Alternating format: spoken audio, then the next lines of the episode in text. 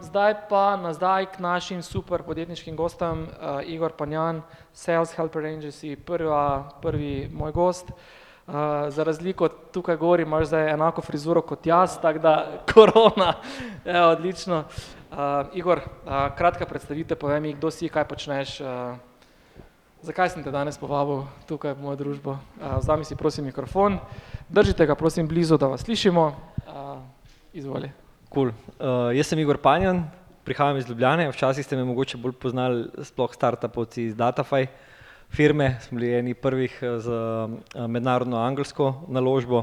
Smo tudi uspešno ubili to firmo, enem, točno eno leto potem, ko smo dobili investicijo. Uh, drugač pa uh, sem vse te izkušnje prelil v novo agencijo, ki je specializirana za LinkedIn in danes predvsem podjetjem pomagam pri prodaji, predvsem pri odpiranju digitalnih prodajnih kanalov in še bolj natančno LinkedIn. No. Mhm. Danes je moje življenje LinkedIn.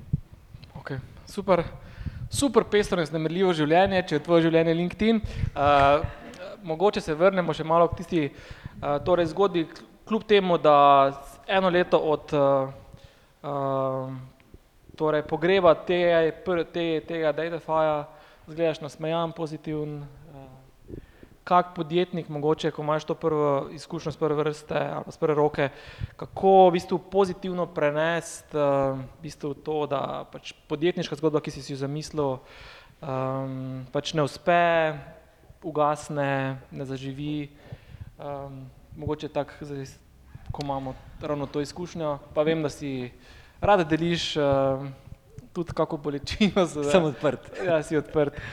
Um, mislim, da predvsem zavedanje, da sem naredil full circle. Pomeni ideja, prve stranke, gradnja ekipe, uh, dve leti smo lovili investitorje, v enem letu smo zrasli pe, iz 5 na 30 ljudi, uh, se spomnim, ko je denar začel prihajati od investitorjev, smo kar screenshote delali, prej smo imeli 10-11 ur na računu, pol bo kar nekaj pol milijona, uh, pa tako Uh, potem pa pač zavedanje, kaj pomeni smrt podjetja, pa predvsem posledice, ki ne izginejo takoj. Uh mhm. -huh. ne, in pač so tudi osebne posledice pa to, ampak uh, to je del posla. Ne, na koncu sprejmeš to, da ni nič osebnega, it's just business, lahko so čist neki, nam se je recimo v osnovi zgodila sprememba zakonodaje, ki je povzročila te spremembe in pač uh, nismo bili dovolj fleksibilni, da bi se dovolj hitro prilagodili. To je recimo pogled nazaj po dveh letih. Uh -huh. cool.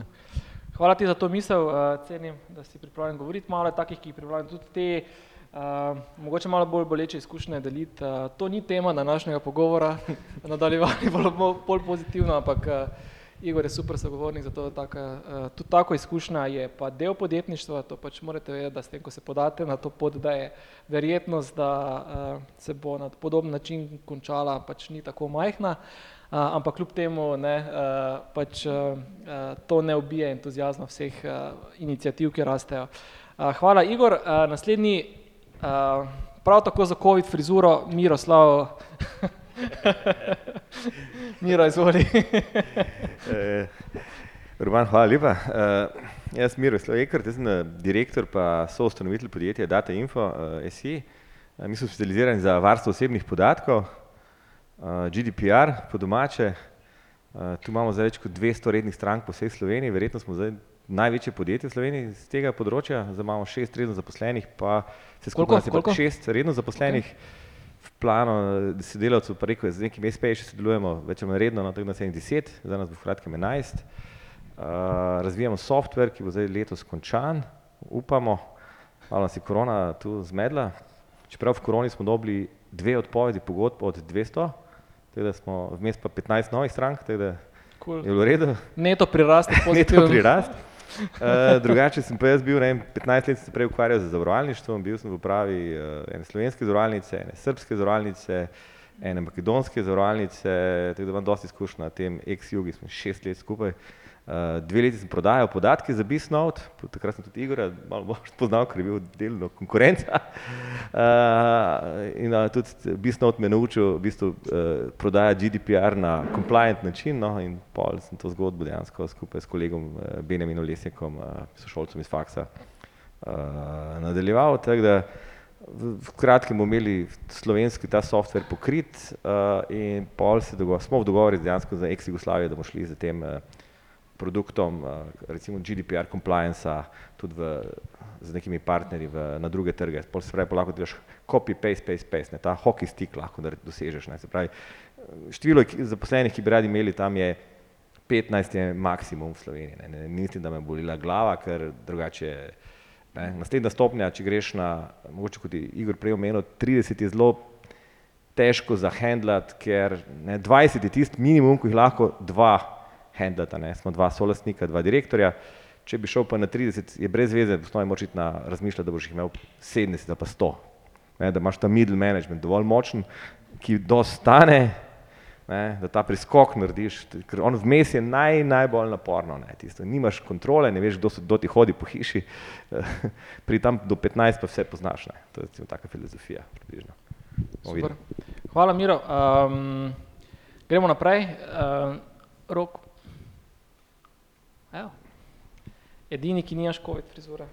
Ne še. Čakaš na drugi Vsako val? leto lepše je.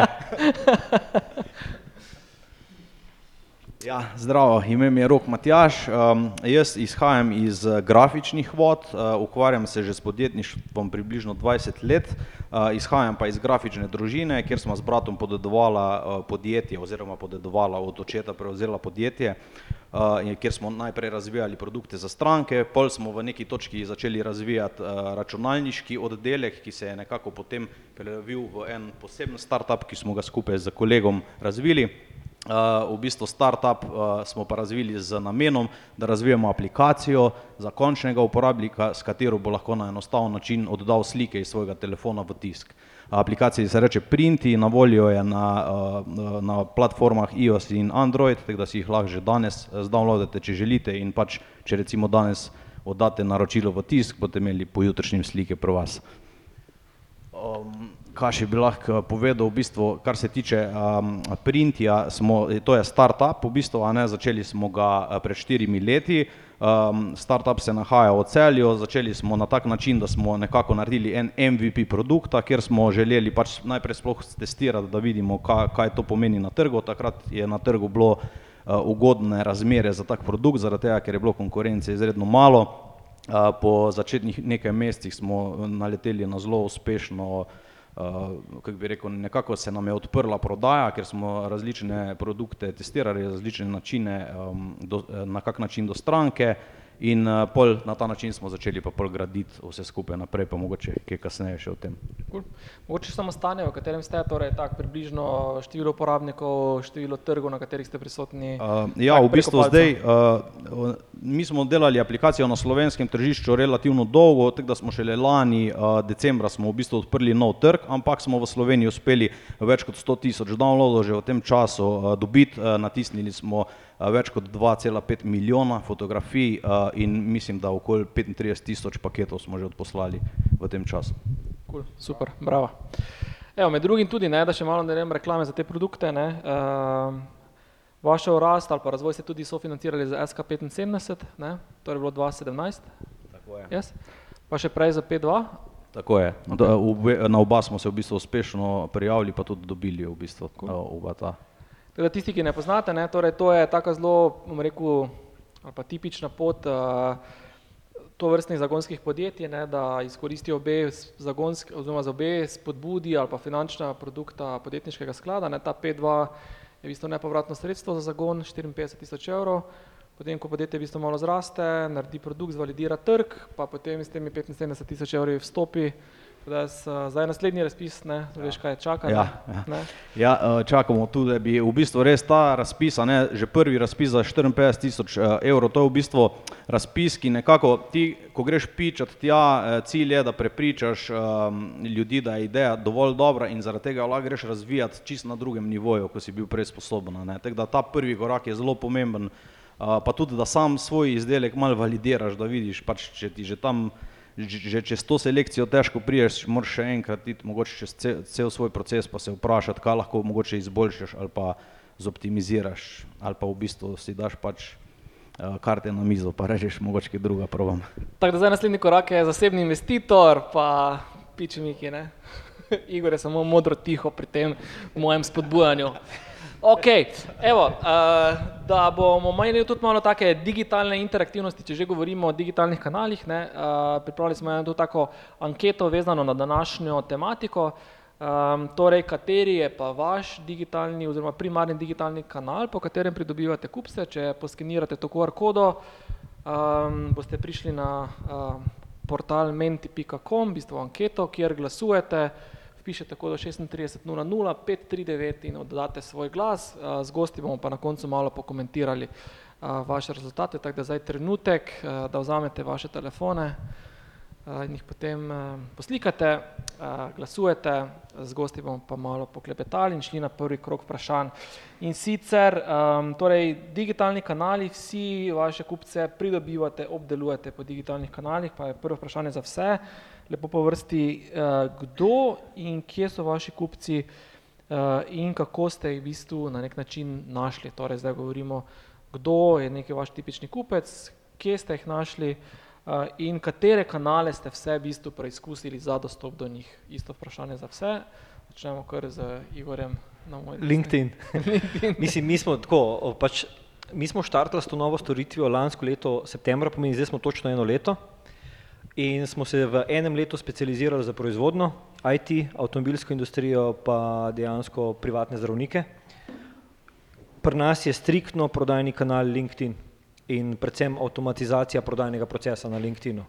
Drugih kanalov ne uporabljamo, ker pač enostavno smo ugotovili, da LinkedIn ima najboljše metrike, najcenejši je, vsebuje pa pač growth hacking metode, kako priti do strank, ne. Ok, torej specializira se za posamezne vertikale, ki si jih naštel, pa izključno LinkedIn pa avtomatizacija Tako. na LinkedInu, okej, kul, Miro? naš primarni kanal za iskanje kupcev je v osnovi, ne, pogledali smo, kdo najbolj rabi GDPR, ne, in smo iz tega naredili bruto target listo, orodje, ki Počasi, počasi, počasi, počasi, kam ste pogledali, kdo najbolj to rabi? Recimo pač pogledali smo v zakonodajo, kaj, kdo so tisti, ki, ki so recimo primarne tarče ali pa v neki literaturi, recimo, ki rabijo to storitev, se pravi svetovanje ali pa vse okoli varstva osebnih podatkov, in pol prideš recimo, da rabi kompletno javni sektor, da rabijo tisti, ki imajo veliko zdravstvenih podatkov, ali pa tisti, ki imajo ogromne baze podatkov, tipa spletni trgovci, ne vem, spletne trgovine, vsak ima neke loyalty kartice in podobno. In potem vzameš recimo ena orodja tipa Bisnote, pač tam sem delal, no, da glih malo reklame naredim, so pa tudi še konkurenca obstaja, ki ti omogoča enostavno sortiranje, ta orodja niso draga, lahko do par sto evrov stanejo na leto, naročnina za to, zelo kvalitetna, se dobijo zelo poceni, narediš si neki izvoz teh podjetij, ne, in potem naredili smo si svoj CRM, ne, to podjetje vneseš, lahko imaš tudi enostaven seznam v Excelu, sprintaš, razdeliš med sodelavce in greš, pogledaš prvi, a je že to urejal, drugi, tretji in kličeš, pravi old school prodaja, ne, recimo orodje tipa LinkedIn to be to be smo uporabljali mogoče, da da poiščemo neke dodatne osebe, ne, jaz sem ga predvsem LinkedIn uporabljal zato, ker sem se zavestno odločil štiri leta nazaj, da bom da bom zbral deset tisoč kontaktov na LinkedInu, ne, in pol mi je to v treh, dveh letih pa pol uspelo. To ne priporočam, se pravi, ali, ali LinkedIn uporabljati zato, da imate svojih res tristo, tristo ljudi, ki jih poznate, ali pa petsto, ali pa greste na deset tavžent, ne, ali pa pet ali pa sedemnajst tavžent, saj je vseeno, vmes je vseeno, ali imate šest, sedem tavžent, je izguba cajta. to in pol, in pol klasičen prodajni proces. Greš na spletno oziroma ni več klasičen, ne, ker vsak, vsako podjetje v Sloveniji danes je digitalno, ima najmanj spletno stran, gor piše, kdo je direktor, kdo je neke osnovne parametre smo že vedeli, koliko je zaposlenih in tako dalje, in pol preveriš in pokličeš, a kaj rabijo, so že kaj urejali, in prvi, drugi, tretji, četrti, peti, petnajsti. Okej, super, hvala, mogoče podvprašanje, zdaj rekel si, da ste pogledali, kateri segmenti, ne, zdravstvo, e-trgovine, in teh segmentov je zdaj ogromno, ne, vi ste rekel, da ste zdaj koliko, vem, da vas je šest ali pa da vas bo dvanajst maks, ne. Torej ko ste ko ste začeli, vas je bilo malo, ne. Zdaj, kako ste si vi izbrali torej kateri segment je tisti ali kateri segmenti so tisti, ki jih boste najprej obdelovali, ste imeli kako prioritizacijo teh ciljnih segmentov ali pač vsi segmenti, ki to rabijo, deljeno za število sodelavcev Ja, mi smo začeli v bistvu precej, eh, ta bruto seznam sem jaz kar relativno hitro delal, ker sem to delal ne vem, profesionalno, se že prej s tem ukvarjal, pa dve leti smo dejansko vodil podjetje, ki je imelo 50 zaposlenih, ki je delalo točno in samo te target liste. Ne. Eh, Tako da sem to relativno hitro in kvalitetno izdelal, pofiltriral. Kaj pa Eh, za tiste, ki tega niso delali tako profesionalno, Uh. recimo nekoga, ki mogoče se zdaj še ni delal target liste, ne pozna teh orodij, kaj so tisti kriteriji, na podlagi katerega ti izbereš, katera podjetja, katera, katero skupino podjetij najprej obdelovati, katero, katera je bolj dobičkonosna, katera je bolj zahtevna, katera je manj zahtevna. Je to sploh možno na podlagi nekih naprej določenih kriterijev opredeliti ali je to preprosto stvar testiranja, feelinga, izkušenj? Ehm, Tu zdaj, mogoče moja prednost je ta, da imam zdaj poprečno zadnjih vem, 20 let poprečno med 300 in 400 poslovnih sestankov na leto. Ne, In ogromno ljudi poznam ali pa mene poznajo in uh, vizitk imam tam, vrečke vizitk ne, imam doma nekje, vse shranjene z datumi, kdaj sem koga spoznal. Uh, ampak uh, in pa ima dosta občutka, kje, kaj gre ali pa kaj ne gre. Ampak če greš from scratch, vzameš, jaz, moja ciljna skupina so trgovci, uh, vzameš jih ven nekaj in vsake skupine jih nekaj pol probaš. Ne? Se pravi, sigurno je kriterij promet, ne? volum, koliko denarja obrnejo, pol seveda, da nimajo velike izgube, ne? neka mini izguba nima veze, mogoče računovodska ali pa karkoli, ampak strašna izguba je brez veze, idi mimo. In ta tretji kriterij je moče število zaposlenih, ne, tak dober, robusten indikator, kaj se uh, dogaja, ne, ker po domači to ve, ali ima firma denar. Se pravi, če moja storitev stane, ne vem, zdaj 1500-2000 evrov na leto, oni imajo 50 tisoč evrov prometa, to je škoda. Raje pokličemo onega, ne vem, zdravstveni dom, ki ima 15 milijonov prometa. Ne. Tiste dva Jurija bo že, ali pa tri bo že lažje pogrešali. Ne. Se pravi, tu se morate vedeti, če ste v B2B segmentu. Potem, ko smo imeli te bruto sezname, smo jih razdelili med sodelavce in so kar začeli klicariti, ne, ono, old school, brez računalnika, flowmaster v roko, sprinten seznam, obvezno moraš iti prvi, drugi, tretji, ne razmišljati, koga boš klical, samo zguba cajta, produktivnost. It's a numbers game, ne, delam v zavarovalništvu, to je it's a numbers game, prodaja je numbers game. In probaš in pol smo dobili te prve stranke in potem tiste, ki so šle, smo pustili vse ostale in smo podobne stranke iskali, tistim, ki so rekli ja. Ne, podobno mi smo odprli neko marelo, imeli smo srečo, mogoče da je bilo začetek 2018 in ko so ta prvi not preleteli, ne, smo podobne pohecali in so rekli, aha, onega pa poznam, on je super, pa je vas zbral, bravo, vi bi, bla. a še imate prostor za nas? Ne? Pa smo rekli, ja, mogoče pa imamo, no, ne vem. Recimo, ne, to je model in pol, in pol iz tega greš v koncentričnih krogih. Pač you have to try it. Če ne dela, ne, ne ponavljati. Najdi nekaj drugega, spremenjaj pristope več čas. Ne. To je več čas, če si startup, ti se pelješ z vlakom, ampak še tračnic ni- nimaš, ne, pa lokomotivo moraš vmes staviti, pa tračnice položiti, pa vse sproti početi. ne. Tako Da, če ne dela, če vidiš, da je tam severna triglavska stena, ne dati pogaso, ne, daj, daj nazaj. Idi mimo. Idi Okay. mimo, ja. Cool. Um, hvala, Mira. Um, zdaj sta bila v bistvu dva B2B segmenta, torej business to business. Uh, rok pri vas je drugače. Ne? Torej, kdo so pa pri vas um, stranke, kar je morda še na nek način bolj zahtevno, zato ker preprosto um, evidence ne, uh, osebnih, uh, oziroma oseb ne moreš kar sprintati, pa v Ja. bistvu ne tako kot lahko. iz- Podjetja imajo več denarja kot posamezniki. Kako Pa mi zdaj- ne moramo iti gledati na e-bon, koliko ima kera stranka denarja.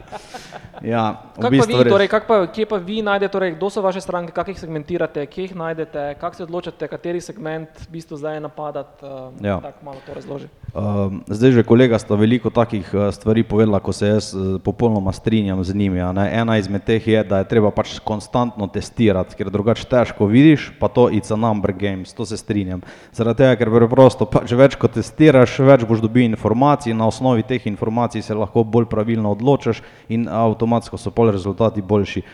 A Zdaj, povedal bom mogoče od začetka naše prve korake, zaradi tega, ker se je pol zadeva malo spreminjala, ampak začeli smo na ta način, da smo si pač zadali neke osnovne stvari, ki morajo biti marketinško pokrite, ki jih imajo neka digitalna podjetja pokrite. To so bile takrat 2017, ko smo mi začeli s tistim našim predznanjem, ko smo ga imeli. Spletno stran moramo imeti, mailing moramo imeti, Facebook moramo imeti, Instagram moramo imeti, ok, Twitter še mogoče moramo imeti.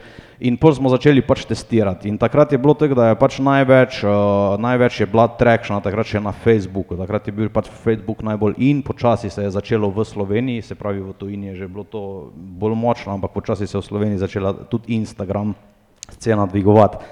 In zaradi tega smo pač s tem s konstantnim testiranjem, kaj bolj dela, kaj ne, smo pol počasi prešli iz Facebooka, kjer smo ugotavljali, pa kjer smo uspešno prodajali določenim ciljnim skupinam. Um, smo pol videli, da gre trend počasi v Instagram in preprosto smo tudi mi naš marketing pol preselili na Instagram. Zdaj v zadnjih časih že ugotavljamo, da počasi trend gre na TikTok, tako da v bistvu že na tem kanalu aktivno delamo. Je pa res, da ponavadi je tako, da se predstavljajo najprej tiste ciljne skupine, ko so nekako najbolj digitalno, mm, kako bom rekel, pismene, a ne, se pravi, ti mlajši, mlajše ciljne skupine vodijo v novih kanalih, se pravi, trenutno na TikToku je, je ciljna skupina mlajših, a ne, se pravi, ne vem, po 20 let. Um, zaradi tega moramo mi tudi gledati, ki so pa naše stranke, a ne, in mi zaradi tega smo fokusirani trenutno na mamice z malimi otroki, recimo, okay. in to je Instagram. Okay. Zdaj, če te tukaj mogoče nekaj podvprašanj, eh, rekel si, da ne nekno testirate. Zdaj, kak, kaj to pomeni konkretno testirate? Kaj, na podlagi kakšnih testov, kaj, kaj je ta test, uh, uh, kako je ta test izgledal, kaj ste testirali, da ste šli potem iz Facebooka na Instagram, kaj ste merili, kje ste merili, kak, kaj je to neko testiranje? Uh, v bistvu uh, pričnemo tako, ne, mislim, tako je redko kjer test je tak, da ti z enega testa dobiš čisti rezultat. Se pravi, to moraš pač ponavljati parkrat, ne zaradi tega, da pol dobiš neki občutek, kam gre zadeva. Se pravi, pač, če ti z enim influencerjem sodeluješ na Facebooku pa na Instagramu, a ne ta dva influencerja ne morata biti en in isti človek, morata biti dva različna, se pravi, je že tu, ne more biti podatek čist zanesljiv, ne? se pravi, moraš pol z nekim tipom influencerjev, ko ima nek določen following ali pa ko ima nek določen traction, ko sta čim bolj ena, eh, približna, eh, na enim pa na drugem kanalu testiraš z nekimi recimo kodami, mi damo kode za popust in na osnovi tega dobimo povratne informacije, koliko je bilo recimo naročil nekje, koliko je bilo druge. To je en primer, ne, je pa ogromno takih različnih primerov in v bistvu eh, na kak način test zastaviti, na tak, da boš pač dobil neke eh, relevantne rezultate. Zdaj, kak test narediti, ni važno, kakršnega koli se lahko spomniš, sploh ni pomembno. Pomembno je, da, da mi brainstormamo ideje na marketinških sestankih, kje vidimo, kje bi znal biti traction, ne, in potem testiramo, če je ta traction res tam in na tak način se tega lotujemo. Ok, to pomeni, da daš ti torej kode in potem meriš, koliko je obiska na spletni strani iz tistega naslova, oziroma koliko je tistih kod vnovčenih in pol približno pač meriš učinek vloženega denarja za v bistvu rezultat na koncu. To je recimo en izmed načinov merjenja, ki je dokaj, dokaj prave rezultate dano, mislim, kar vredo rezultate dajo. Okay. In kaj je bilo to, mogoče to spoznanje, uh, torej kje ste vi spoznali ali pa kdaj ste spoznali, da je pač Instagram boljši medij, bolj, kaj, bolj dobičkonosen, bolj donosen, kaj, kaj so bili tisti argumenti, da ste se predstavili iz tega klasičnega plačljivega Facebook oglaševanja uh mhm, -huh. Na to. Ja, sej, eh, tudi bi povdaril, tudi Instagram mi plačljivo oglašujemo, pa pač neplačljivo oglašujemo. To pač imamo več različnih načinov, na kaki pristopati k strankam. Najbolj efektiven je seveda plačljivo oglaševanje ali iz vidika, da direktno Facebooku plačamo, ali pa iz vidika, da nekoga influencerja plačamo, oziroma imamo na drug način dogovorjeno sodelovanje eh, in da on predstavi naš produkt. Najprej ne pozabiti, čista osnova mora biti naredimo en full dober produkt, ko ga bojo naše stranke imele full rade. To je prva osnova. Ne.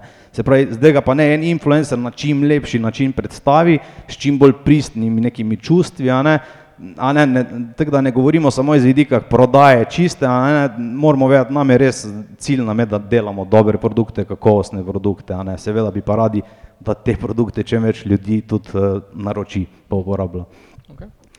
Tako da težko bi rekel zdaj na kak način, pač testirali smo konstantno in videli smo v eni točki, da je traction na Instagramu bolj močen kot na Facebooku in smo preprosto rekli, zdaj pa na Facebooku zmanjšaj Eh, mesečni budžet na tok, pa na Instagramu ga povečajo na tok. Recimo zdaj, ko smo pa začeli ugotavljati, sicer že malo pozno, ne, da TikTok je pa zdaj in, ne, smo pa zdaj začeli pač testirati ta uh, TikTok kanal na ta način, da se najprej povežemo z nekaj influencerji na TikToku, ki so recimo zelo znani že, a ne, zaradi tega, ker že imajo tudi več izkušenj, veliko video in s temi, ko se na začetku povežeš, že imajo mogoče nekih koristnih informacij, na kak način bi oni to s tabo zapeljali, zaradi tega, da pač se že navežeš na njihovo znanje, kot delaš prvi test, a ne, po pa pač probaš še sami izpopolniti naprej, na tak način se lotujemo. Mogoče še malo tako butasto vprašanje. Um, za mene pač mogoče nikoli ni bil Instagram, ok, pustimo zdaj plačljiv del, Instagram kot organski del ni bil nikoli najbolj taki prodajni kanal, bolj sem ga vedno imel kot neki imidž kanal, ne.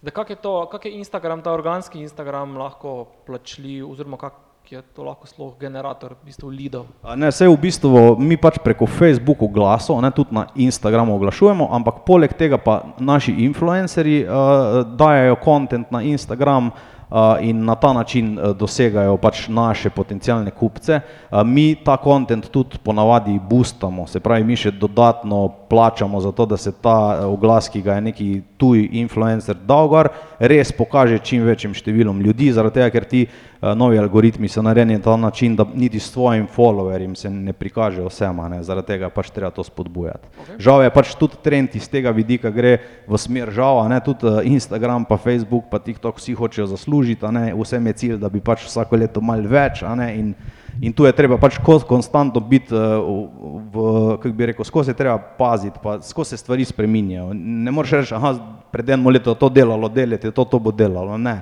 ker tudi sami vidimo, da tisto, ko je pri nas delalo pred enim letom, danes mogoče ne dela več. Mogoče še to, uh, ko si omenil teste, da non-stop testirate, testirate, testirate. Koliko testov recimo vi naredite vem, na teden, na mesec, uh, da bomo imeli malo občutka, kakšna je ta dinamika testov, koliko testirate, imate? Zdaj, tako je, ne, želja je, da se jih naredi čim več, ne, in tudi pritisk je, da se jih dela čim več. Naredimo jih pa, kolikor smo jih sposobni narediti, glede na druge, pač druge dejavnike v firmi, ki se dogajajo, ker mi smo še relativno mala ekipa, startup ekipa, nas je trenutno v, v timu šest, ko jih recimo tudi vsak dan delamo na zadevah, tako da od tega so tudi recimo programeri, ko se ne ukvarjajo z marketingom, ne.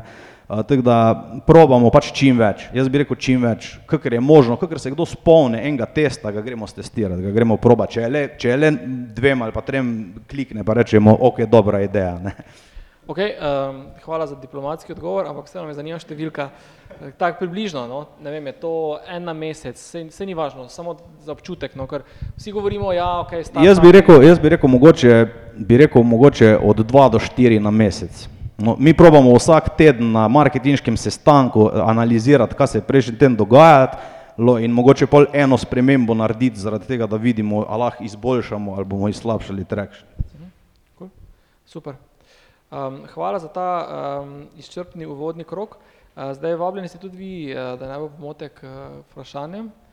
Kot vidite, nam že beseda dobro teče, tako da če ne boste dovolj uh, prodajno agresivni ne, z vašimi vprašanji, boste zamudili super priložnost, da te naše goste neposredno kaj poprašate. Uh, teda kadarkoli um, dvignite roko, zakričite, kakorkoli pač. Izvoli.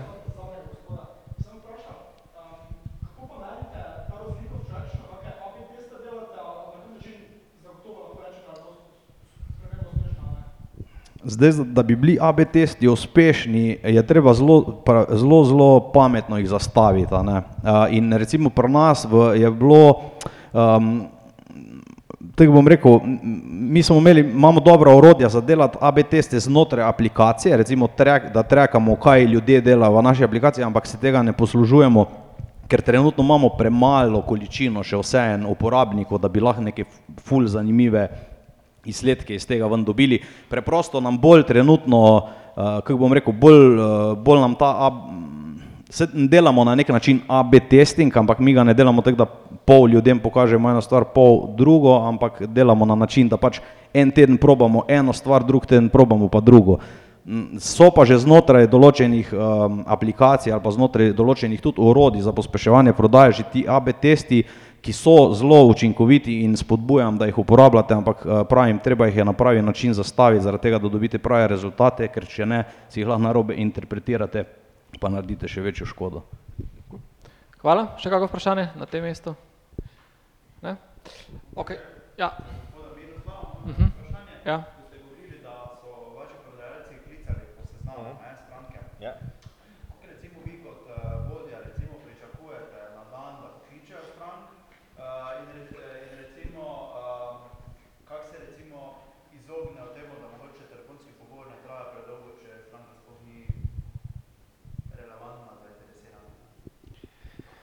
Eh, mogoče zadnji del je precej enostaven, ne? odloži stranka. Doben direktor se ne bo stavo pogovarjal pol ure, prvi življenje se z njim pogovarjaš, poveš, imam tako pa tako robo ali pa take, take storitve, on reče, joj, nimate sreče, pol ure nazaj en smo se že zmenili z enimi vašimi konkurenti. Mislim, ne, ti pogovori niso, uh, niso dolgi, ne? ti niso dolgi. Uh, tudi morate vedeti, kaj je namen tega razgovora. Eno je bil, da je bil fact-finding mission, a so že kaj urejali, in drugo je pa, da se zmeni za sestanek. Ne? Torej, to je v bistvu neka osebna storitev, ki temelji na zaupanju in generalno smo mi želeli prodajati sestanek, nič drugega. Ne? Se pravi, ravno kar je ne naš direktor je ravno jutri v Celju ali pa v Nazarju ali pa v Tolminu in se tam mimo pelje in bi se oglasil za 15 minut pri vas in tako dalje. To moraš imeti že naprej te zgodbe razdeljene, ampak načeloma ne, en tak enih uh, 20 kvalitetnih kontaktov na dan, zdaj odvisno, kaj bi radi dosegli. Ne. Če je B2B, se pravi, si moraš malo pre, predno jih pokličeš, se danes pričakuje, da se odpreš spletno stran, da veš, kdo so, kaj so, ne, da tam sales speech malo prilagodiš njim, ne. ampak enih takih 20 kvalitetnih razgovorov je, zdaj, če pa dela nekdo anketo, pa jih lahko pokliče tudi 50 na dan. Ne. Zdaj, ampak pol se mi tako začne rolati sestanki, tako okoli tak 20 kvalitetnih razgovorov, mislim, 20, eh, da smo 20 krat nekdo dvignil na dan, je pa že normalno. Ne? Hvala. Še kako vprašanje? Dobro, ok, uh, gremo naprej. Uh, torej, govorimo o, o, o prodajnih kanalih. Um, vedno več tudi B2B prodaje ne, je na teh digitalnih kanalih, na katerih v osnovi danes govorimo. Ne. Uh, um, in tukaj poleg LinkedIna, na katerega se še vrnemo, so tudi druge ostale platforme, ki ste jih uh, pač omenili. Ne. Um, ne ok, TikTok nireno ni, ampak recimo WhatsApp uh, ali pa Messenger ali pa vse take, mogoče, ko jih prenaša ni. Koliko razmišljate o tem, um, ok, zdaj gledam predvsem vajo, o teh v bistvu platformah, ki niso tako zdaj so že dobro zasidrane, pa dobro znane, torej ne govorimo o WhatsAppu, govorimo o Viberju, govorimo o um, ne, Messengerju, uh, skratka vse živo, iz vseh živih kanalov v bistvu v tujini te že napadajo Ja. prodajalci. Mislim, mi imamo v naši strategi, bomo rekel, strategiji, ne? kaj smo se naučili skozi LinkedIn avtomatizacijo pa uporabo robotov, da se B2B prodaja seli na chat platforme. To je ključno ugot- ugotovitev. Jaz sem včasih osem ljudi v klicnem centru, tudi še vedno delamo veliko za klicnimi centri, mailingov smo ogromno naredili, ampak ko pogledamo metrike na, preko robotov, ki personalizirano nagovarjajo preko chat platforme, pomeni, da je prvi stik za stranko je zaradi tega, ker psihološko zmanjša uh, nivo poslovne komunikacije. Metrike mislim, da posekajo vse ostale, dajmo reči, klasične B2B kanale. In iz tega vidika imamo mi v strategiji implementacijo WhatsAppa, Viberja, uh, tudi, uh, dajmo reči, Facebook Messenger v določenem pogledu, WeChat, pač vse, kar je chat, želimo narediti robota, ki bo naredil prvi stik uh, v B2B uh, delu. To je ključ, mislim, da je to prihodnost. O- Uh, mimo gre tudi Instagram chat, recimo k, to, kar delamo za privatne zdravnike, zdravnika dobiš na Instagram chatu. Ne dobiš ga na mail, ker je kot obrtnik. Ne dobiš ga na mail, ne dobiš ga na telefon, uh, ker je obrtnik sam fura svoj Instagram uh, pač profil ne? in če mu pošleš chat, imaš sestanek z zdravnikom. Ne, pomeni tudi Instagram razmišljam, kako avtomatizirati uh, komunikacijo. Ne. Okay, ko si rekel, da v bistvu chat platforme posekajo metrike ostalih platform, kaj natančno, katere metrike v bistvu so toliko okay. bolj prepričljive? Konkretno recimo klicni center, telefonski klic, cold call, recimo na 100 cold callov, če imaš tam 10 dobrih razgovorov, ki rezultirajo mogoče v eni do dve ponudbi, to so dobre metrike, tam ranga 2% recimo ponudb, pri čemer je šum pri teh ponudbah je full velik, pomeni, da kljub temu, da si dal veliko ponudb ven, eh, ne boš veliko posla zaprl, zaradi tega, ker je cold call. Kako ta problem rešiš, greš na korak naprej, najprej pošleš mailing in osebe, ki so večkrat odprle mail, začneš klicati. Že izboljšaš te metrike, ampak v osnovi si skozi tam 3 do 4 procente si dober. Uh, in kaj je problem? Veliko ljudi rabiš, za ta proces, drag proces je in uh, dolgo časa traja. Na drugi strani pa z roboti pomeni, da rabiš eno osebo, ki naštima proces in potem te testi lahko tekom meseca avtomatsko potekajo in recimo ti z eno osebo na LinkedInu lahko testiraš celotni evropski trg posamezne države, določen segment. Strošek 100 evrov, pač plus strošek človeka, ne? ampak se ukvarjam z enim človekom. Ne? Uh, ko pogledam uh, potem tudi konverzijo, sem še vedno na 4%, ampak sem nagovoril bistveno večje število ljudi, pa predvsem bolj targetirano sem um, bazo naredil, s kom se pogovarjam. Pa predvsem chat platforme ne udirajo v privatno ali pa poslovno življenje ljudi. Kaj s tem mislim? Ko ti dvigneš telefon, Miro, sigurno to, kar je rekel noben direktor, se na ostalo pogovarjal pet minut, pet minut ne. Recimo, jaz, ko sem imel klicni center, smo imeli pravilo, ne kličemo v ponedeljkih, ne kličemo v petkih. Ponedeljki so kolegi, sestanki, vsi direktori so pač jedva živijo, ne. Petek po 12. uri, če je lepo vreme, nobenega več ne dobiš v firmi, sploh ne kakega prodajnika in tako naprej, ker so na terenu. Sestanek v Kranjski gori. Ja, tako. Kar pomeni, da um, to je problem, ne. In ko ti dobiš človeka na telefon, ne veš, kakšne stanju je na sestanku, a zdaj ima otroka pri zdravniku, ali ima, ne vem, glih nek problem rešuje v firmi, ne veš, udiraš mu v življenje in zaradi tega tudi ful velik tečnih odgovorov, ne. Na drugi strani pa, kaj je chat, to je isto, kakor da ti pošljem SMS. Ti si sam zbereš, kdaj mi boš odgovoril. In je, um, vidimo po odgovorih, da dobimo nazaj odgovor tudi od, recimo, ne vem, predsednikov uprav, od recimo direktorja razvoja Mercedesa GL v Nemčiji, ki ni šans, da mu pošlje mail, pa ga pokličem na telefon. Ne. Skratka, oseba se sama odloči, kdaj bo dala odgovor. In to je tista svoboda, tisti prostor, ki ti dejansko izboljša metrike, no. Tako, kaj se pa na koncu rezultira, recimo, dajmo reči, v manj matranju za zaključeno prodajo, no.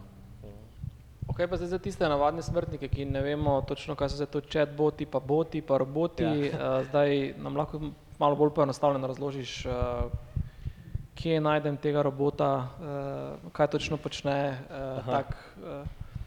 Če recimo vtipkate v, v Google LinkedIn Automation, boste že dobili recimo te robote. Kaj roboti naredijo, namesto da na, najdete osebo na LinkedInu, kliknete na connect, počakate, da vas oseba sprejme, pošljete sporočilo in to ponovite stokrat na dan. To traja. Ta robot avtomatizira ta ročni proces in še vedno to naredi stokrat na dan, sam vi ste lahko na pohorju pa smučate. To je razlika. Robot dela na mesto tebe.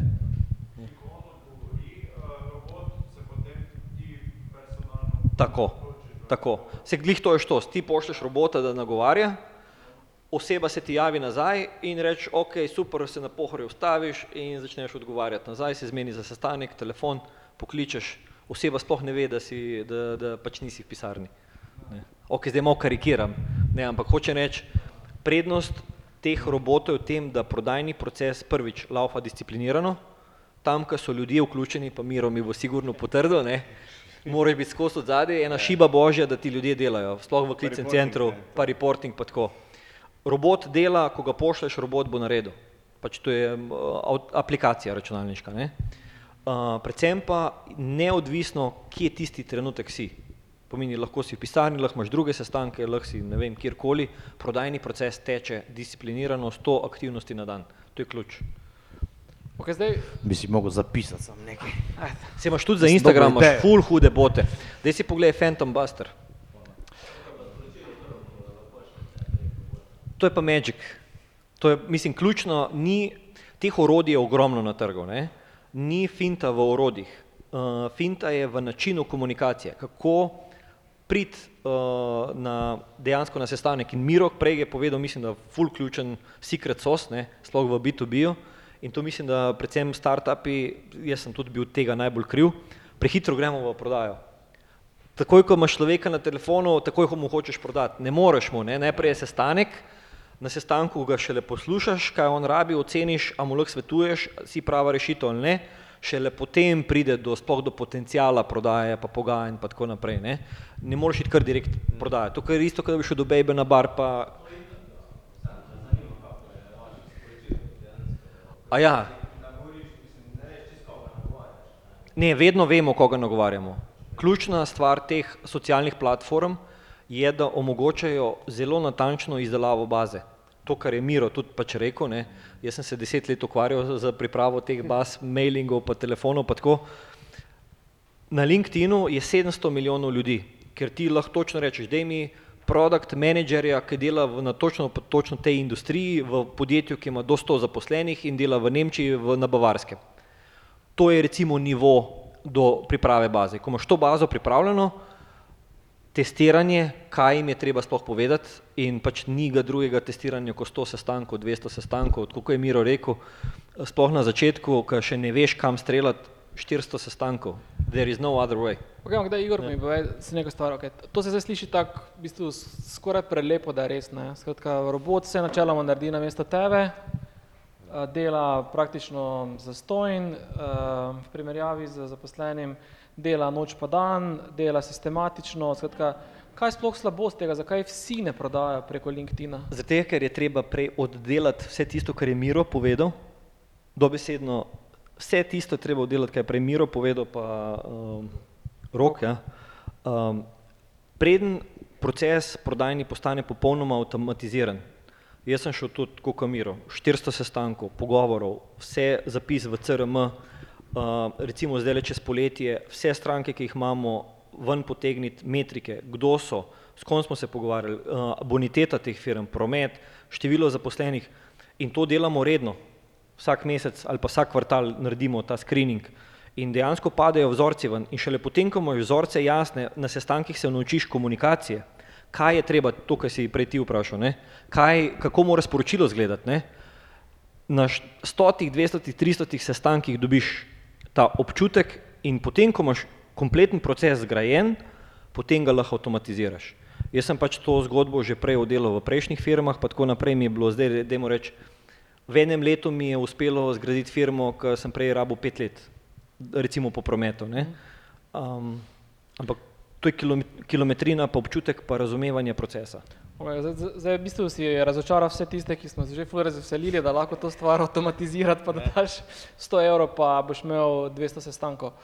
Uh, tako da v temu prvemu delu, ki ste ga omenila, ki ste ga vsi omenili, ne, Miro in Rok, skratka to klicanje, ti sitni, neprijetni sestanki, metanje dol. Uh, Zakaj neprijetni? um, Ja, Zakaj neprijetni? Ja, če ti nekdo na, na, na hruli nazaj, verjetno ni tako ful prijetno. Ma, glej, to je za popestritev. To je debela koža. Ja. Ja, to je res, mislim, če vse je tako, kako jemlješ zadeve. Ne? Jaz sem vedno tudi jemal iz vidika, da se naučimo. Se pravi, tudi vsako slabo stvar, ko smo slišali, oziroma ko nas je kdo nadrl, pač je bila neka informacija, ki je bila nam Okay. koristna. Ena, ena anketa v živo. Koliko izmed vam je um, malček neprijetno, če vas nekdo po telefonu ne vem, uh, agresivno odslovi ali pa malo manj agresivno odslovi? Um, koliko izmed vas tukaj, če date roke gor, je to vsaj malo neprijetno? Ok, vse. Dobro. Okay. Meni je vedno neprijetno. Koliko izmed vas, kljub temu, da vam je to neprijetno, v tem ful uživate? Mir, roko gor. Zdaj odvisno, ne? ker uh, vedno pravim, da pride, zakaj se njemu zdaj to dogaja. Ne? Včasih, eh, včasih grem, ne vem, grem pol na bisnot, pa vidim, da je že 14 dni v blokadi. ja, Torej ja, res. torej To je- tisti- to tisti- je Zdaj, nisem, zdaj pač kdorkoli bi poklical tam, ki hoče denar od njega, ne, zato vsi kličemo, bi ga nahrulo on, verjetno. Ne. Mm. Ali pa pol zveš, ne vem, tam vidiš, da je kakšna znana osebnost, da se ločuje ali pa ne vem, kaj se neče zide. Pa, pa, Okay, to, je, to je zdaj sicer malo klišejsko, no, ampak vsekakor uh, pač to, kakorkoli avtomatizacija, digitalizacija, LinkedIn, boti, temu prvemu delu, v bistvu, z katerega ti sploh postaviš ta avtomatiziran prodajni proces, se mu praktično ni možno izogniti. Da, torej ti, lahko jaz to, pardon. roko. Jaz bi rekel, ne, da se mu ni možno izogniti. Jaz mislim, da je to najbolj ključni proces, ki moraš najbolj aktivno v njemu sodelovati, zaradi tega, da se naučiš ključne stvari, da lahko biznis pelješ naprej. Ker v bistvu v teh prvih fazah Prideš ti iz tiste svoje neke ideje, ko si imel v glavi, v to, kaj je pa realnost ideje, oziroma kaj pa trg pravi na ta izdelek. In v bistvu takrat je v bistvu najslabše eh, zapreti ušesa pa oči. Takrat je treba pač napet eh, ušesa, poslušati stranke, kaj ti sporočajo, pa pol nekako potegniti ven eh, pozitivne zaključke. Ne bom rekel vedno poslušati jih pa slediti njihovim navodilom, ker tudi stranke kdaj nimajo prav, ker si ne znajo v celoti predstavljati, ampak definitivno so pa njihove informacije eh, zelo koristne. Okay, zdaj, ko si že pri besedi, ne, zdaj eh, Mirotova, v bistvu prodajni koraki so, ali pa ta prodajni, eh, bom rekel, lijak je mogoče relativno enostaven v primerjavi recimo s tvojim. Ne. Uh, pač ti, ne vem, jaz vidim uh, printi aplikacijo pri prijatelju, pa pol grem na spletno stran, pa jo potem zaprem, pa pozabim na printi, pa spet vidim oglas na eh, Instagramu, pa ga pol spet pozabim, ker me nekaj zmoti. Skratka, kak vi v teh zmešnjavi digitalnih kanalov, kak v bistvu vi lovite svoje kupce, kak jih peljete, pa tiščite v ta prodajni lijak, kje imate tiste neke vmesne točke, ko ga v bistvu pograbite za roko, pa pripeljete do, do nakupa. Zdaj najprej bi povedal to. V teoriji imamo ogromno teh orodij, v praksi žal še niso razvita. Ker eno so želje, kam imamo mi ideje, vse eno je pa, koliko je naš uh, razvojni tim sposoben pač glede na finance, ki jih ima, uh, to razviti. Se pravi, ogromno imamo stvari, ki še jih nimamo realiziranih in jih delamo mogoče na pol ročno, a ne? ampak uh, skušamo pa na nek način analizirati, kje so naši kupci, ki so prvič prišli nakupiti, kje so kupci, ko recimo mogoče samo poskušajo, probujajo aplikacijo, kje so pa tisti kupci, ko so že oddali dva ali več naročil in jih tudi segmentiramo drugače, tudi eh, na drug način komuniciramo z njimi. Kupci, ki so redni, imajo do, dodatne popuste, imajo, zdaj smo jim dali noter tek, da bojo imeli celo stalne popuste v obliki cashbacka a ne? in pač različna orodja uporabljamo tudi na nek način za pospeševanje prodaje, zaradi tega, da To so, to so kakšne orodja, kakšne platforme, lahko mogoče omeniš, da bomo... Zdaj, eh, zdaj eh, to, ko jo bomo zdaj z novo UX-o upeljali, je ta cashback, ne, tam je zelo, zelo pri srcu, zaradi tega, ker po eni strani tistim strankam, ko redno naročujejo, daš nekaj nazaj, po drugi strani pa tudi daš neki call to action, da v nekem določenem obdobju spet nekaj naročijo. Ne. Tako da to je en primer, eh, drugače pa recimo push eh, notification, a ne. Uh, push notification, recimo mi smo odkrili, ful smo testirali, to je ena taka zanimiva štorija, ne, ful smo testirali, kjer dan, kjera ura, vse, ne, pa na koncu smo gotovili, lej, takrat ko deš pada, takrat push ne, uh, ker pač takrat ko deš pada, so ljudje doma, so na kavču, jim je mogoče dolg čas, ker so se jim neki plani podrli in takrat bojo veliko naročevali, tako da recimo, kdaj nam bolj, najbolj puši, kdaj boš dobo ti naslednjič puš. Zagotovo, ko boš zunaj. Da, recimo, to je ena stvar, na kak način spet eh, do stranke, ampak pravim, pač skušamo nekako analizirati, ampak nimamo še pa toliko urodij, ko bi si sam želel, da bi jih imeli, zaradi tega zdaj s tem novim UX-om bomo v bistvu še bolj razširili to zadevo in še bolj lahko eh, nekako nagrajevali. Zdaj eno idejo, ko sem jo pa danes na sestanku dobil, najlepša hvala, je pa ta, da bomo recimo zdaj, ko bo nov UX prišel ven, preko Messengerja vsem našim strankam, kupcem poslali, da je nov UX zunaj in jim dali neki posebni popust, da stestirajo novo aplikacijo, nov dizajn. Super, hvala. Ja, gremo v zadnji, v zadnji del eh, pogovora, tako da um, dajte se tisti, ki se že... Martin. Uh, za Mirota, kaj, uh, glede na to, da se tako bojite 10 tisoč kontaktov, ampak kaj še drugega na LinkedInu preverjeno v tebi funkcionira? Razen direktno, da hočeš nek nov kontakt pridobiti. Uh, zdaj na LinkedInu, mislim, od teh, od teh socialnih omrežij je edine, ki ga ful uporabljam. Ne? Uh, vse ostalo imam več ali manj mini, mislim, da dve objavi na Facebooku zdaj v zadnjih ne vem, 10-15 let. Uh, pa še to me je nekdo prosil, ki sem mogel klikniti, bil je nekdo žlahti je bil. V glavnem eh, na LinkedInu ne, pač preverjam, ko vidim neke sogovornike, recimo, ne, eh, prvič na LinkedInu dobivam ful dobre te poslovne informacije, se pravi, da zjutraj na mesto teh eh, slovenskih političnih novic preberem zdaj kakaj pametnega, pozitivnega, kaj je kdo uspel, malo od konkurence ali pa od drugih, kaj se dogaja.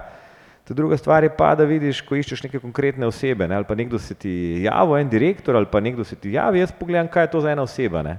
CV mu pogledam, ne. tudi ko se javi kdo za službo ali pa kaj takega, prvo pogledam na, na LinkedIn uh, pogledati, ne, ker mimo grede, če ste direktor, ne, GDPR compliant, lahko greste gledati na LinkedIn.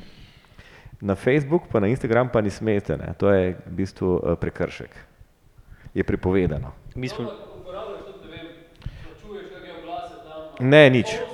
Nič. Postam, postam sam, smo imeli neke ideje, da bom več ali manj jaz postal tam. Tam enih 1500 do 3000 ogledov dobim na en post približno. Nekje. Tudi, tudi nekaj strank smo že dobili preko tega. Ne. Tam nekje, to je taka neka kritična masa. Če imam preko tisoč, sem zadovoljen, ne. imam pa eni na en, dva tedna en post. Včasih prije na tri, včasih prije na štiri. Depends, no, kar je v redu. Super, To je super. Ja. Ja. Ja,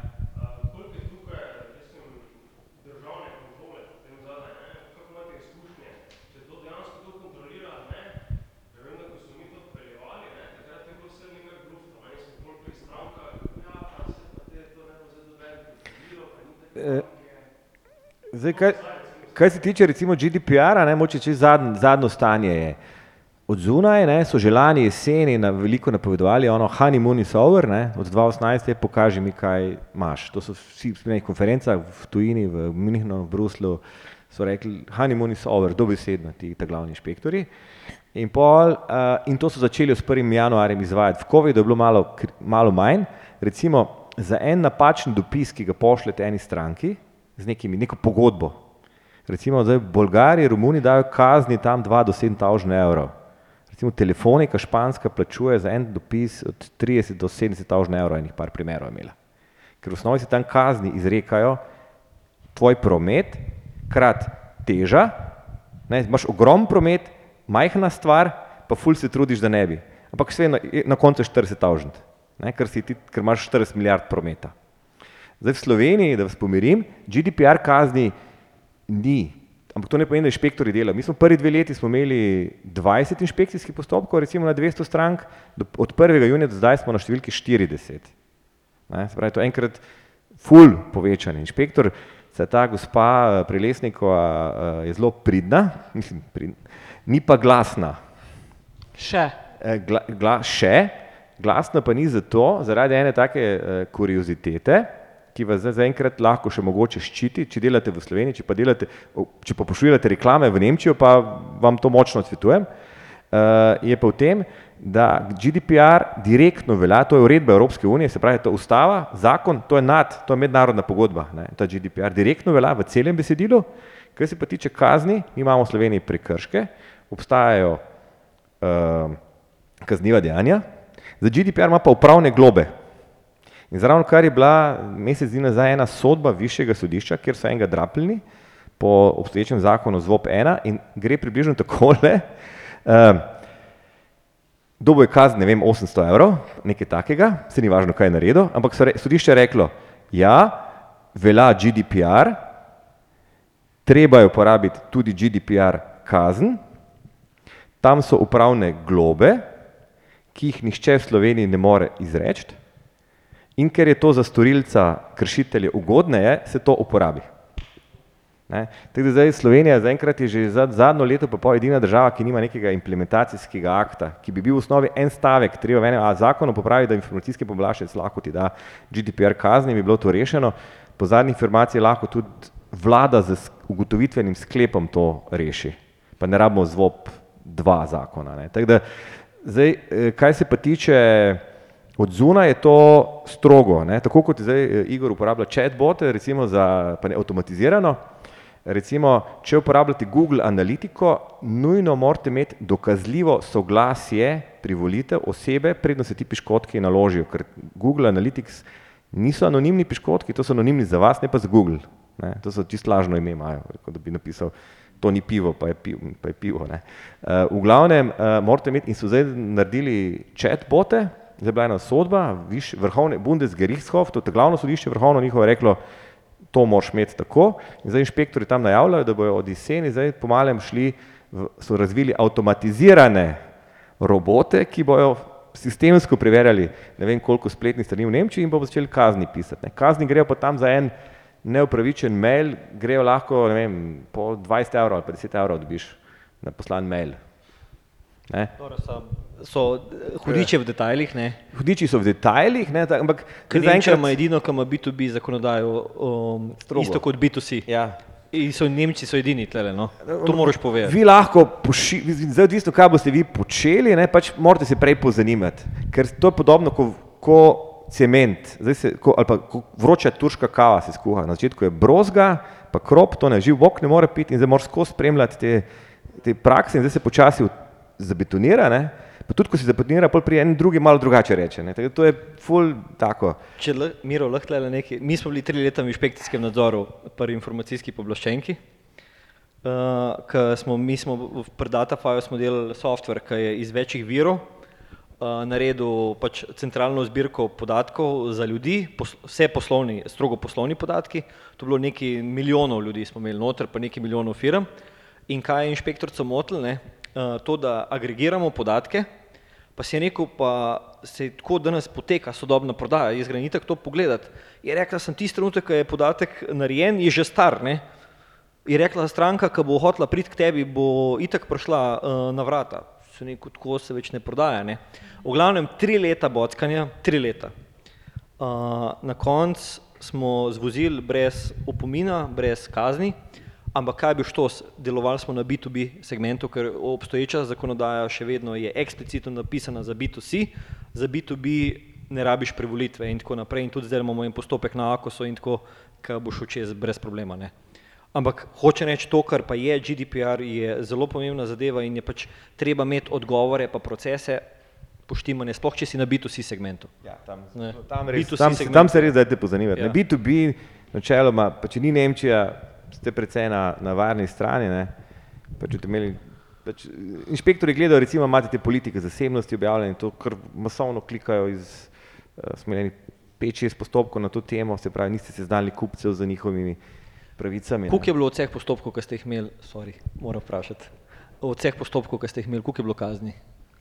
Eh, V osnovi smo večinoma stvari spravili, oni so še vedno, naši, naši inšpektori še vedno v oni modusu opomini. Razen pri nekem šnofanju, to pomeni, da nekdo na, na, na, v bistvu gleda vašo medicinsko kartoteko, pa ne bi smel, ne, pa so ga ujeli, tam je pa 830 evrov kazni za en, za en pogled. Ne. 10 pogledov je 8300 evrov, v praksi je nekje na 2 jurja se Ampak zakroži- to so datoteke. To so zdravstveni programi, zdaj, ostalo pa ni nekih, eh, Okay. so še v fazi konzultinga naši, pa tega, ampak mi naše stranke trenirajo, ne, ker ne, Vprašal sem zaradi tega, da jih ne prestrašiš ja, preveč.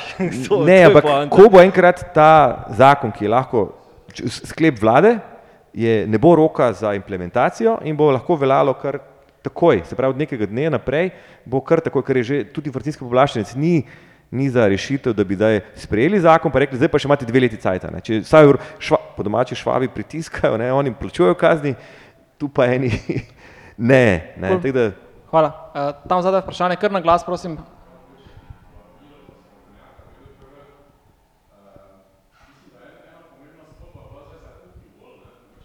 Ja, to je to. Ja. To je to zraven za piškotke. Ne? Se pravi, tako ko imaš ti neke piškotke, ki so nenujni, v osnovi rabiš uh, konkretno eksplicitno se pa nanašala v Nemčiji ena bila sodba sodišča Evropske skupnosti, to je recimo tam nekje na, na Luni ali pa na Plutonu ali pa nekaj takega, ne? daleč od nas, medtem ko naslednja je bila pa Bundesgerichtshof v isti zadevi, planet 49, tam pa če imaš tiste analitične, piško- Google Analytics piškotke, rabiš imeti privolitev, predno se piškotki naložijo in morajo biti ti slajderji od, odklopljeni. Poglejte si recimo še Pop TV, pa ti vsi, vsi ti veliki so že spremenili te svoje strani.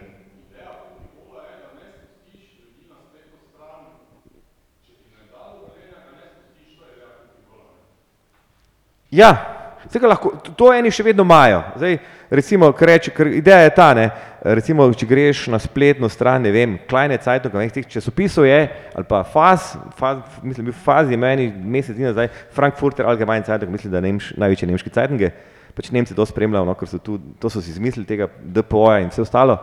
Uh, je tako, nekaj ti damo za stonči, ne daš piškotko, ti dajo kar na kiosk, pa rečemo, imamo ne vem, 50 tavžen štandov po Nemčiji, kjer si lahko kupiš časopis in hvala lepa na svidenje. Mislim, zdaj, to je zdaj ta model, ali to gre na kre. Načeloma je to dovoljeno, ne? it's a free country. Če, recimo tudi Pop TV ima tako, če greš na 24 ur, um, včasih, če si piškotke izklopil, ti nič ni pokazal, zdaj ima pa, da ti podkaže pol, razen video ne moreš dati. Ne. Če ne daš video, ho- če hočeš video gledati, moraš obvezno klikniti, da se z onimi uh, Facebook pa Instagram uh, na, na tičnovami strinjaš. Prodajajo ti, ne? Prodajajo, Prodajajo ti video ti. za to, da Če je zastojn, smo mi produkt. To je to. Ne? To je zdaj čisto jasno. Ta, ta, te, to je zdaj jasno ne? če, če je zastojn, ste produkt. Ni zastojn. Hvala. Še kakšno vprašanje? Okay, zdaj pa mogoče še to, ne? zdaj vi več ali manj ste vsi štartali skoraj že od izhodišča, okay, razen mira, mogoče tako digitalno od dneva ena praktično. Ne? Uh, vi verjetno nikoli niste v kiosku prodajali, ne? pa, pač, ker nimate take produkta, tudi vi niste od, ne, rekel, od začetka ste na LinkedInu. Ne?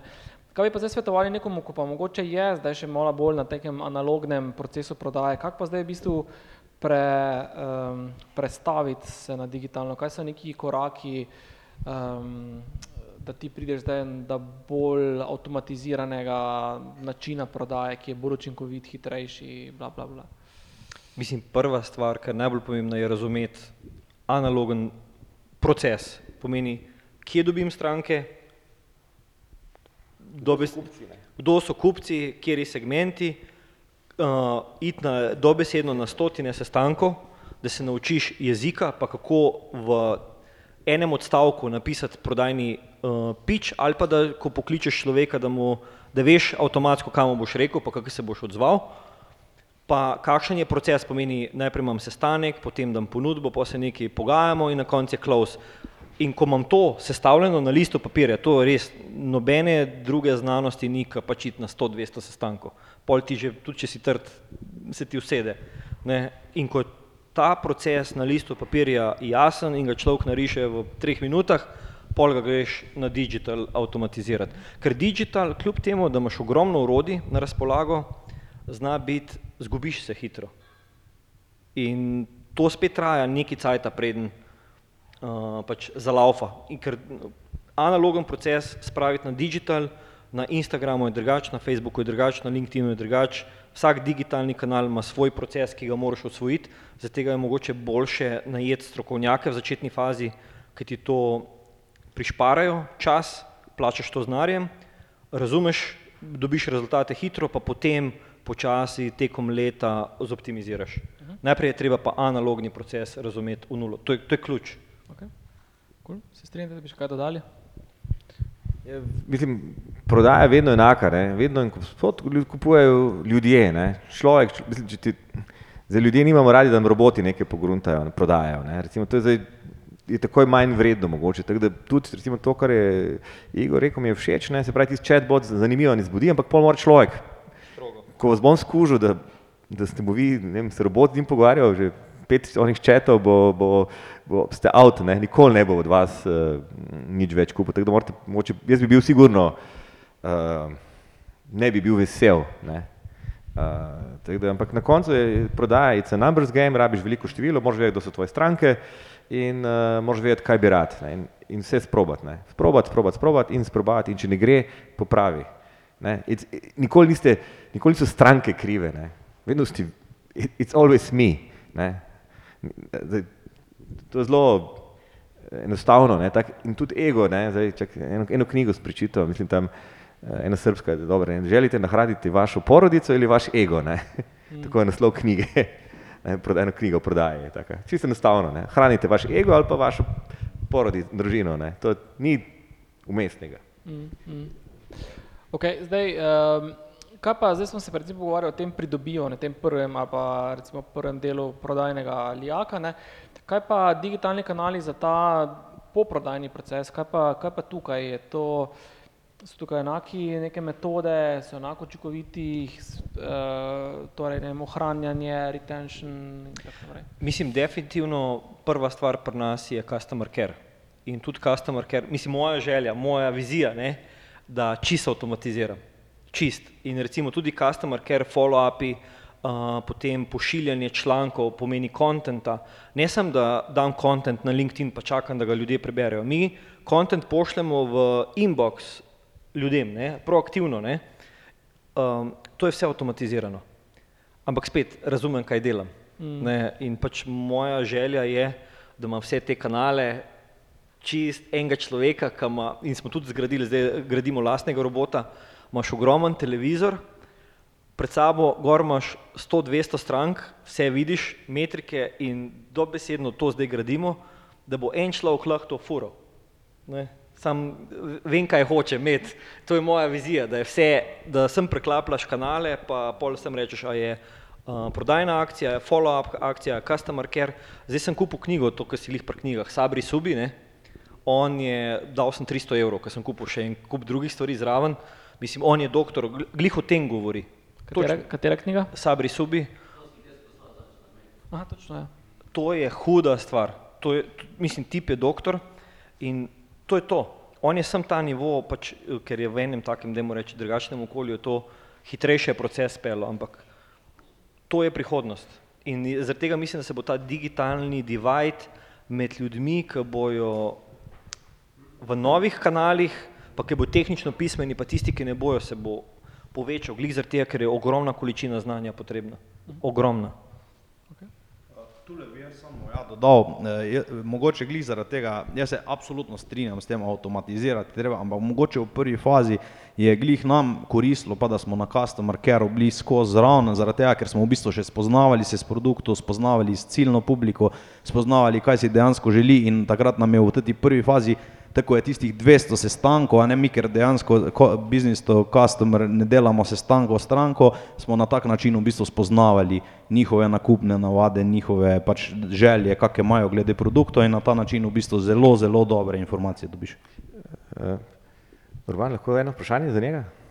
Recimo, kako bi ti prišel do mene? Jaz nimam ne Instagrama, ne TikToka. Uh, Preko žene. Imam, se, se, žena nima, tudi žena nima. Hčerka, Po pa, sin, po pa niste zanimivi. Ja, koliko si pa vi želite slike naročevati? Pa vsakih par let naročim tisoč slik. Zdaj meni nov produkt poslal, ko je za vas bolj. Zdaj delamo en nov produkt Kaj pa otroci? za biznise. se z otroci tudi target. Samo je- iz izkušenj žensko je treba nagovoriti. Moški, pač za ta produkt konkretno naš ni bilo trekšna. Glik danes smo imeli na delavnici, ne, ko je bilo za turizem, pa sem rekel, da 80% odločevalcev za vse turistične aranžmaje pa dopuste so ženske. Ne, pa so se deci malo unel, ne, to ni res, sem rekel, ja, ja, ti potegneš kartico, ona se odloči. In to točno tako je. Ja. Ja, a je res ali ni res? Eh, Drugače pa res mi smo zelo, specific, zelo smo specifično določili ciljne in tudi eh, na ta način pač se lotevamo, da jih nagovarjamo. Tako da če bi določili ciljno publiko poslovneže, a ne kar bomo tudi zdaj z enim novim produktom, mi zdaj delamo sliko za na steno, se pravi, lahko boste naročili super sliko, ne vem, meter krat meter, na zelo enostaven način, ko boste s parimi kliki jo postavili na steno, stisnili gor. To je mogoče produkt, ki bi vas bolj zanimiv, oziroma firme, tako da eh, tu bomo začeli iskati nove ciljne publike in se mogoče srečamo. na LinkedIn četu. Cool. Um, kako vprašanje? Tine. Miro.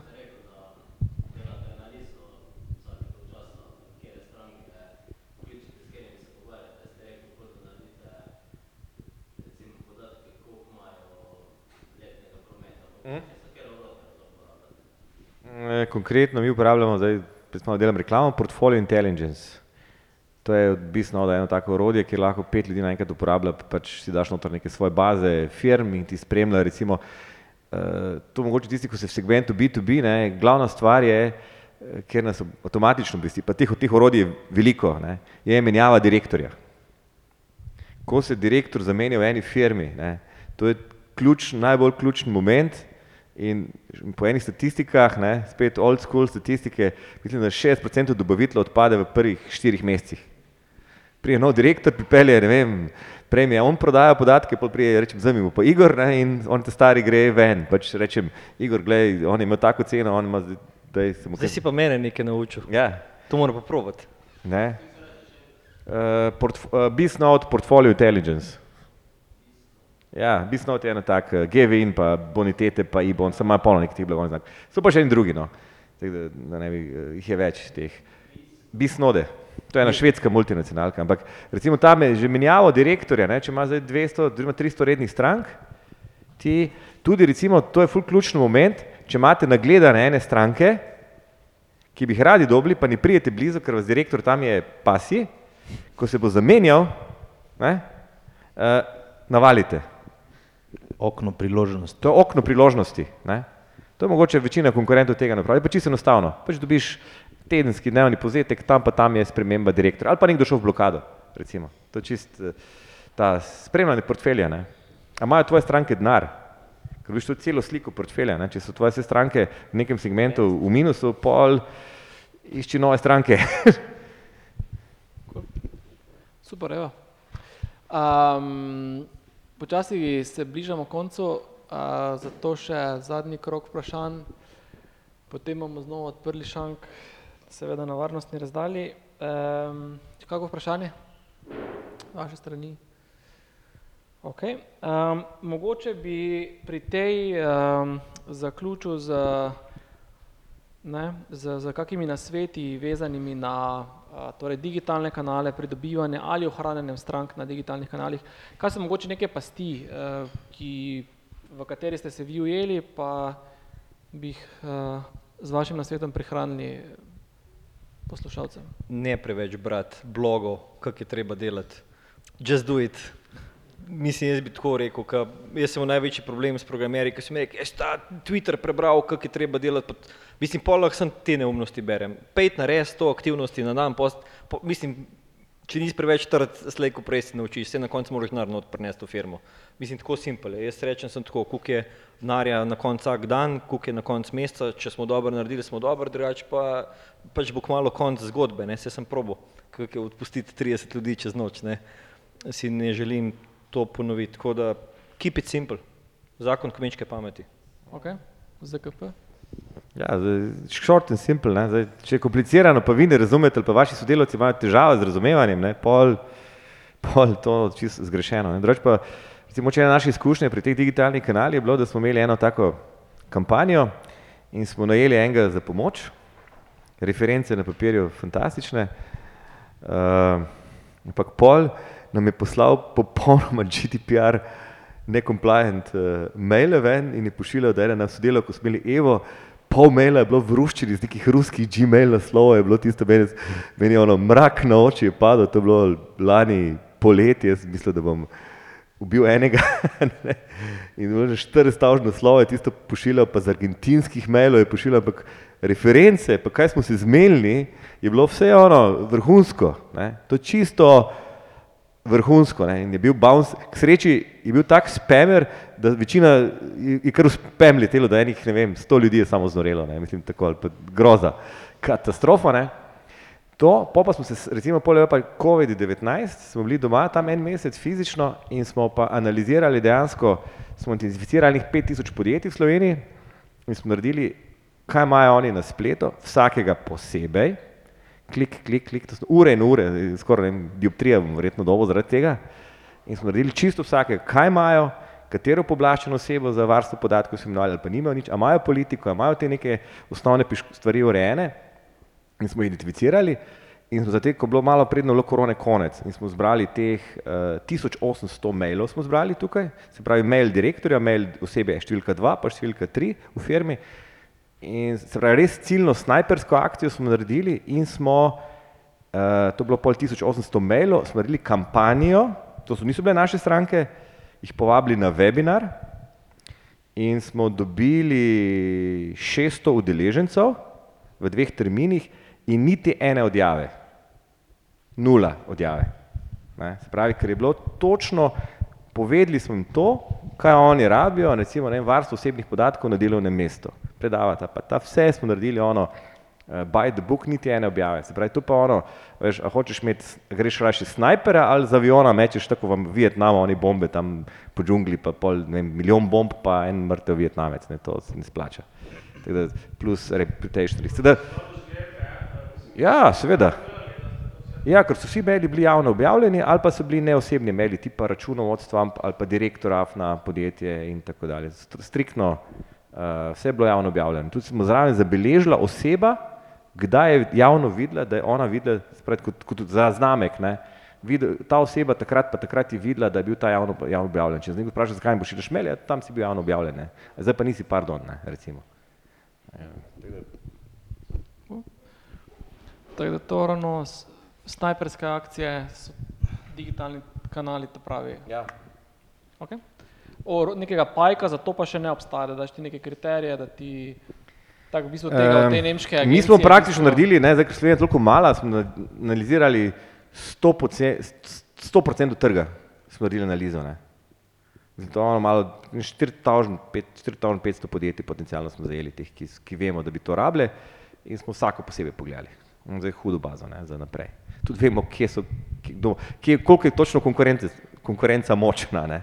ne samo na bla bla, ampak vemo, ti imaš teh 16 strank. Ne.